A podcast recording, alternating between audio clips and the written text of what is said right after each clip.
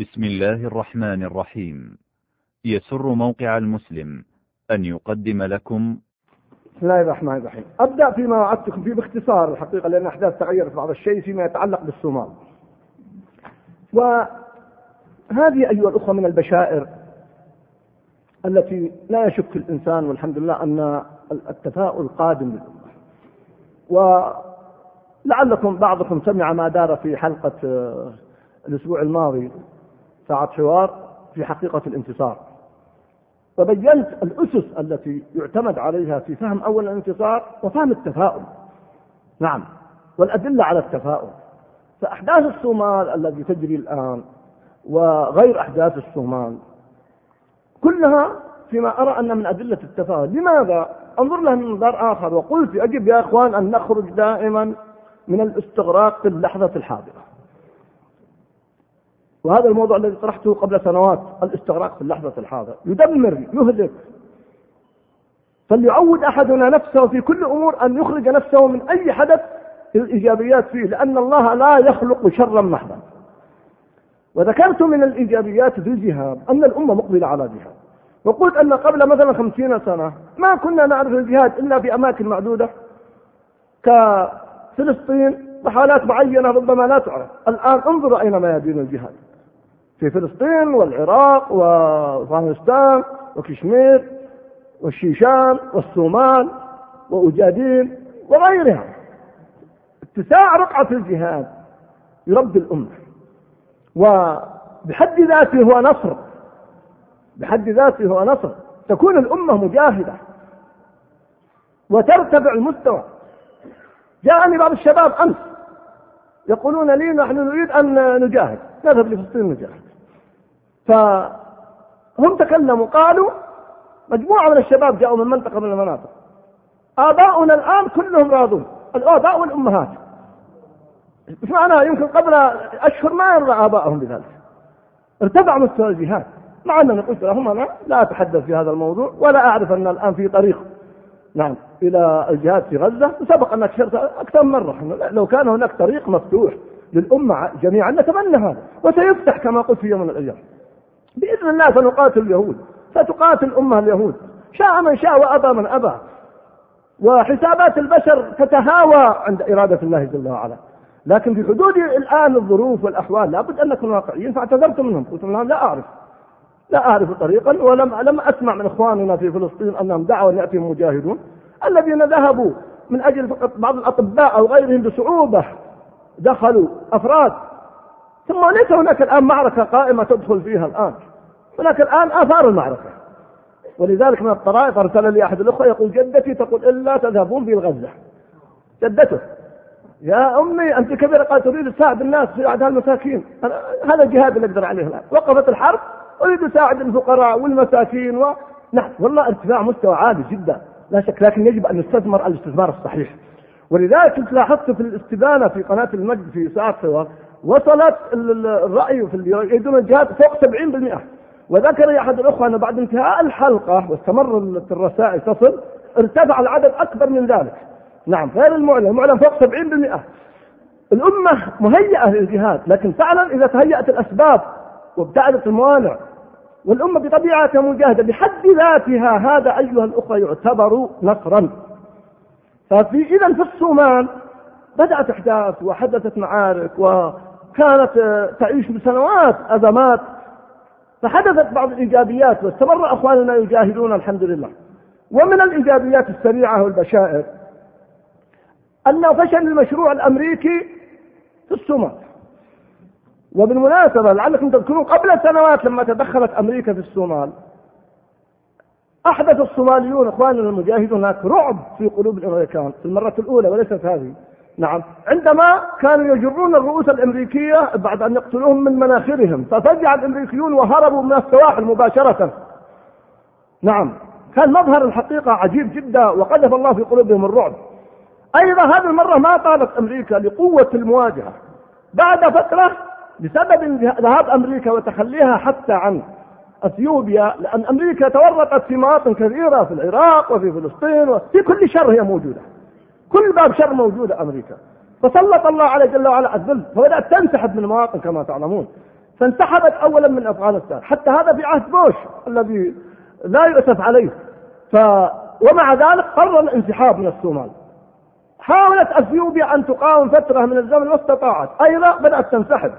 وقبل أسبوع تقريبا خرجت من مقديشو القوات الصومالية. لأن من الأسباب أن المجاهدين في الصومال ومعهم بعض المجاهدين داخل أثيوبيا في اجادين كانوا يقطعون الطريق على السيارات والمعدات التي تذهب إلى مقديشو. فكان ما بقي إلا طريق واحد فركز المجاهدون عليه. فأصبحوا يغنمون من الغنائم الأثيوبية، أثيوبيا أصلا ضعيفة. ففي الأخير قررت أثيوبيا أيضا الانسحاب. والآن ما نقول إن الصومال إنتهت الأحداث فيها تماما لكن لا شك أن واقعها الآن آه، يدل على نجاح لاخواننا المجاهدين هناك يبقى المشكلة التي دائما نعاني منها عانينا منها في أفغانستان وإلى حد ما في العراق ونخشى أقول نخشى وأكد هذا الآن في فلسطين وتحدث هو عدم المحافظة على النصر. النصر يتحقق في كثير من الميادين تحقق في أفغانستان كما تعلمون. ووصل في العراق إلى أن أمريكا واعداء تترنح لكن لما بدأت الخلافات والمشكلات هذا. الآن يعمل اعداء الله جل وعلا في الصومال على تفريق المجاهدين وعلى عروضات من هنا وهناك. وهذه مشكلة تعاني منها الأمة. ولذلك لما يقول النبي صلى الله عليه وسلم سألت ربي ثلاثا فأعطاني اثنتين ومنعني واحدة. سألته أن لا يهلكهم بسنة, بسنة عامة فأعطاني إياها. وسألت أن لا يسلط عليهم عدوا من خارجهم يستبيح بيضتهم قال فأعطاني إياها. وسألته ألا يجعل بأسهم بينهم فمنعني إياها. حكمة الله البالغة. هنا ولو يشاء الله لانتصر منهم ولكن ليبلو بعضكم ببعض. ابتلاء هو المسألة. الآن أخشى ما أخشى على أخواننا في فلسطين الحقيقة هو الاختلاف أو اختطاف النصر. وأشرت إلى هذا في أكثر من درس وفي مقابلة أيضا المجد أخشى من اختطاف النصر. الآن لما فشلوا في المعركة الحاسمة فشل اليهود. وأعوان اليهود وحلفاء اليهود من المنافقين. ألم تر إلى الذين نافقوا يقولون إخوانهم الذين كفروا من أهل الكتاب موجودون في كل زمان وفي كل مكان ووجدوا في معركة غزة. الآن الحقيقة الخشية على إخواننا في غزة الذين ثبتهم الله في هذه المعركة أن لا يثبتوا بعد ما تحقق شيء من النصر بسبب الآن المساومات والضغوط وأن ينقسم هناك فريقان. هذا يضغط وذاك يستجيب. وأخشى من أعداء الملة أن يقطفوا هذا النصر. وهناك مع كل أسف إشارات حول هذا الموضوع. وبخاصة من الرافضة. والأمر الحقيقة خطير يا أخوان. وله آثار. ولذلك من واجب من واجبنا أن ننصح لإخواننا المجاهدين في فلسطين وأيضا أن نذكرهم بالله جل وعلا ومن الحمد لله أن يعتمدوا عليه وحده وأن لا يتحالفوا مع هذا الفريق ضد هذا الفريق وبخاصة أن الذين هيئوا أنفسهم لمعاونة وأعلنوا مساعدتهم للمجاهدين أناس لا يؤمنون ولا يوثقون. وهذه أيضا نصيحة الحقيقة للحكام ولغيرهم من الشعوب أن ينتبهوا لهذا المبلغ فإنه خطير وله آثاره وما يصح إلا الصحيح فيها لكن نسأل الله أن يثبتهم وأن يعصمهم. وأيضا العلماء أبشركم استمروا في المناصحة وبيان الأخطار ونسأل الله أن يكونوا أيضا هم من الواعين لهذه الأخطار المحدقة. لكن حقيقة خطر يتهدد المجاهدين الآن في فلسطين بعد هذا الانتصار ونسأل الله أن يكفينا شر شر. ولذلك القنوت نعم يستمر القنوت. النبي صلى الله عليه وسلم استمر يقنت شهرا بعد مقتلة المعونة شهر وقد قتلوا. فالآن أرى أن الآن المعركة وأنا أتابع المعركة الآن اللي تسمى السياسية أو غيرها نعم أن تأتي عن طريق آخر. آه هذا محمد حسين هيكل معروف تاريخه. يقول ما فشل فيه اليهود وأعوانهم عن طريق الآلة العسكرية يحاولونها الآن عن طريق الطعام والكساء وإقامة المنازل. هو الآن ينبه لهذا الأمر. سمعت بأذني ينبه لهذا الأمر. وهذا فعلا كثير من الناس خائفون من هذا الطريق. أن يأتي عن طريق الإعانة واستغلال الظروف والضغوطات والإنسان له حد في في ضغوطاته ونسأل الله الثبات والتوفيق والسداد. إذا أقول الصومال الآن فيها شيء من عدم الاستقرار وفي أكثر من جبهة الآن بعضهم موافقون وبعضهم غير موافقين لكن لم يظهر شيء خلاف ظاهر تماما إلى الآن والحمد لله. ف أيضا من الإيجابيات تغير الوعي والحمد لله بالنسبة للشعب الصومالي. ازداد الوعي لديهم ومعرفة الأعداء ومن هم الأعداء. فأيضا الحمد لله مما يتميز به الإخوان في الصومال أن العلماء هم الآن الواجهة. العلماء كثير من بلاد أخوان التي قام فيها الجهاد تجد أن قادة الجهاد ليسوا كلهم من العلماء. أقول لا أقول القيادة بينما تجد في الصومال وكثير ممن قابلنا وتعرفون المحاكم الشرعية أن العلماء هم الذين يوجهون الناس. وهم الذين يقودون المعارك ولذلك لهم جهود في حل الخلافات. ولهذا إلى الآن والحمد لله ونسأل الله أن نستمر ذلك. ولا نرى خلافات ظاهرة. الخلافات محدودة. ولم تحدث آثار سلبية كبيرة. لكن دائما أنا أشير إلى هذا من باب الخوف أن يقع شيء من هذا الجانب. فأيضا الحمد لله في خلاف شديد بين العملاء من الحكومات الصومالية التي أقيمت وبين الحكومة الأثيوبية وبين الحكومات الموالية للحكومة الصومالية ففي خلاف وتفرقة. وهذا من فضل الله جل وعلا. هذا الذي يجب أن يكون. وهو الخلاف بين أعداء الله ولا يكون الخلاف بين المجاهدين وبين غيرهم. فهذه بعض البشائر ومن أيضا من ولذلك الآن 85% من الأراضي التي كانت تحت إدارة المحاكم الإسلامية عام آه، يعني ال 26 تقريبا هي الآن بيد المجاهدين والحمد لله. 85% ما نقول انتهى ف الآن هجم هزائم الأثيوبيين في مناطق كثيرة جدا. ف آه، ومتعددة وخاصة في العاصمة ولذلك قلت لكم إنهم انسحبوا لأن هذا التقرير مكتوب قبل الانسحاب. أيضا أبشركم أنه هناك الآن جهاد في يقادر أثيوبيا في داخلها من اوجادين أو أغادين هي محتلة من أثيوبيا. الآن فيها معارك جهادية والحمد لله.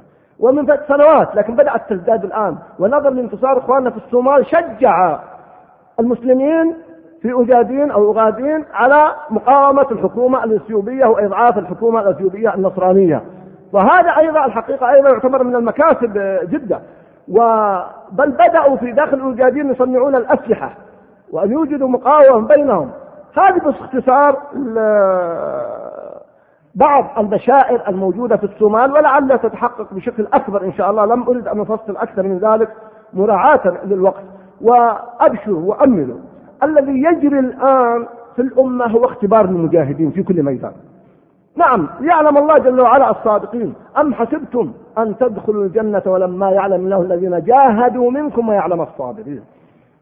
ولمحص الله الذين آمنوا ويمحق الكافرين. والانتصار ليس في المعركة فقط. أحيانا انتصار ما بعد المعركة أعظم. وتعلمون ماذا حدث وهم صحابة النبي صلى الله عليه وسلم. لما انتصروا في أحد وقتل من الكفار قرابة سبعين من الكفار وخالف بعض الرماة مع أن الرماة جزء من الجيش. لاحظوا الرماة ليسوا إلا جزءا من جيش النبي صلى الله عليه وسلم. بعض الرماة خالفوا أمر النبي صلى الله عليه وسلم. قال لا تتعدوا هذا الجبل حتى لو رأيتمونا تتخطفنا النبي. لكن لما انتصروا ورأوا الغنائم خالف أمر وسلم فوقعت الهزيمة وقتل الصحابة قرابة السبعين منهم حمزة وغيره مصعب وغيره كما تعلمون من كبار الصحابة وكلهم كبار. إذا مجرد مخالفة بعض من المجاهدين منكم من يريد الدنيا ومنكم من يريد الآخرة. نزلت في أصحاب قصة أحد حتى يقول ابن مسعود والله ما كنت أتصور أن أحد من أصحاب الرسول صلى الله عليه وسلم يريد الدنيا. لا لولا قال أن الله قال ذلك. نعم بشر هم بشر على كل حال. فحدثت الهزيمة. ولما أصابتكم مصيبة قد أصبتم مثليها. قلتم أن هذا أين مثليها؟ في بدر الانتصار الأول والانتصار الثاني في أحد. في أول المعركة انتصار المسلمين حتى هرب الكفار. أصبتم مثليها؟ قلتم أن هذا من عند أنفسكم. إذا كان الحديث مع صحابة النبي صلى الله عليه وسلم. ومن هم صحابة النبي صلى الله عليه وسلم في إيمانهم وإسلامهم وثباتهم وشجاعتهم وفدائهم والحق حق لا مجاملة فيه. فكيف بمن بعد عن عهد النبوة مع ضعف الإيمان وضعف الوسائل وغير ذلك؟ هذا ما يخشى الحقيقة أو مما يخشى على المجاهدين في مثل هذه المسائل. ولهذا أيها الأخوة مراعاة هذه الأحوال والدعاء لإخواننا في كل مكان حتى بعد المعركة قد يقول قال إلى متى ندعو؟ لا أستطيع أن أحدد لكن على الأقل هذه الأيام لم تنتهي المعركة. كما قال الرسول صلى الله عليه وسلم أنت وضعتم أسلحتكم ولما تضع الملائكة أسلحتها. نعم ليس انتهاء المعركة بانتهائها الأولي لا تزال معركة غزة ولا تزال قضية فلسطين قائمة. فأرى أن نستمر إلى حد معين أسبوع أو أسبوعان أو ثلاثة الله أعلم. ما أقول أقصى ما أقول النبي صلى الله عليه وسلم مكث شهرا بعد مقتلة القراء. يقنص صلى الله عليه وسلم. ويدعو على هؤلاء الدعوة على اليهود مطلوبة. وعلى أعداء الله وعلى المتحالفين من اليهود. اليهود أصحاب مكر وخداع وهم الآن يعملون مع خلفائهم يمكرون مكرا كبارا الآن. وإن كان مكرهم لتزول منه الجبال. الذي يجري الآن من المكر والمؤامرات ضد أخواننا المجاهدين في فلسطين أرى أنه أخطر من القتال. لأن القتال وضرب غزة كان دماء وغيرها أثار العالم وأثار الناس لكن المؤامرات والمكر أخطر. ولهذا تلاحظون أن المنافقين أشد كفرا من اليهود والنصارى. لماذا؟ لأن اليهود والنصارى عداوتهم ظاهرة والمشركين ظاهرة وقتالهم واضح. أما المنافقون وفيكم سماعون لهم في داخل الصف فأخطر ما يجري الآن على إخواننا في فلسطين من أناس من أبناء ملتنا وأبناء جلدتنا. وهم أشد نكاية وعداوة فهذا ما أنبه إليه وأواصل إن شاء الله بعد الأذان مع قصة التيه وصلى الله وسلم على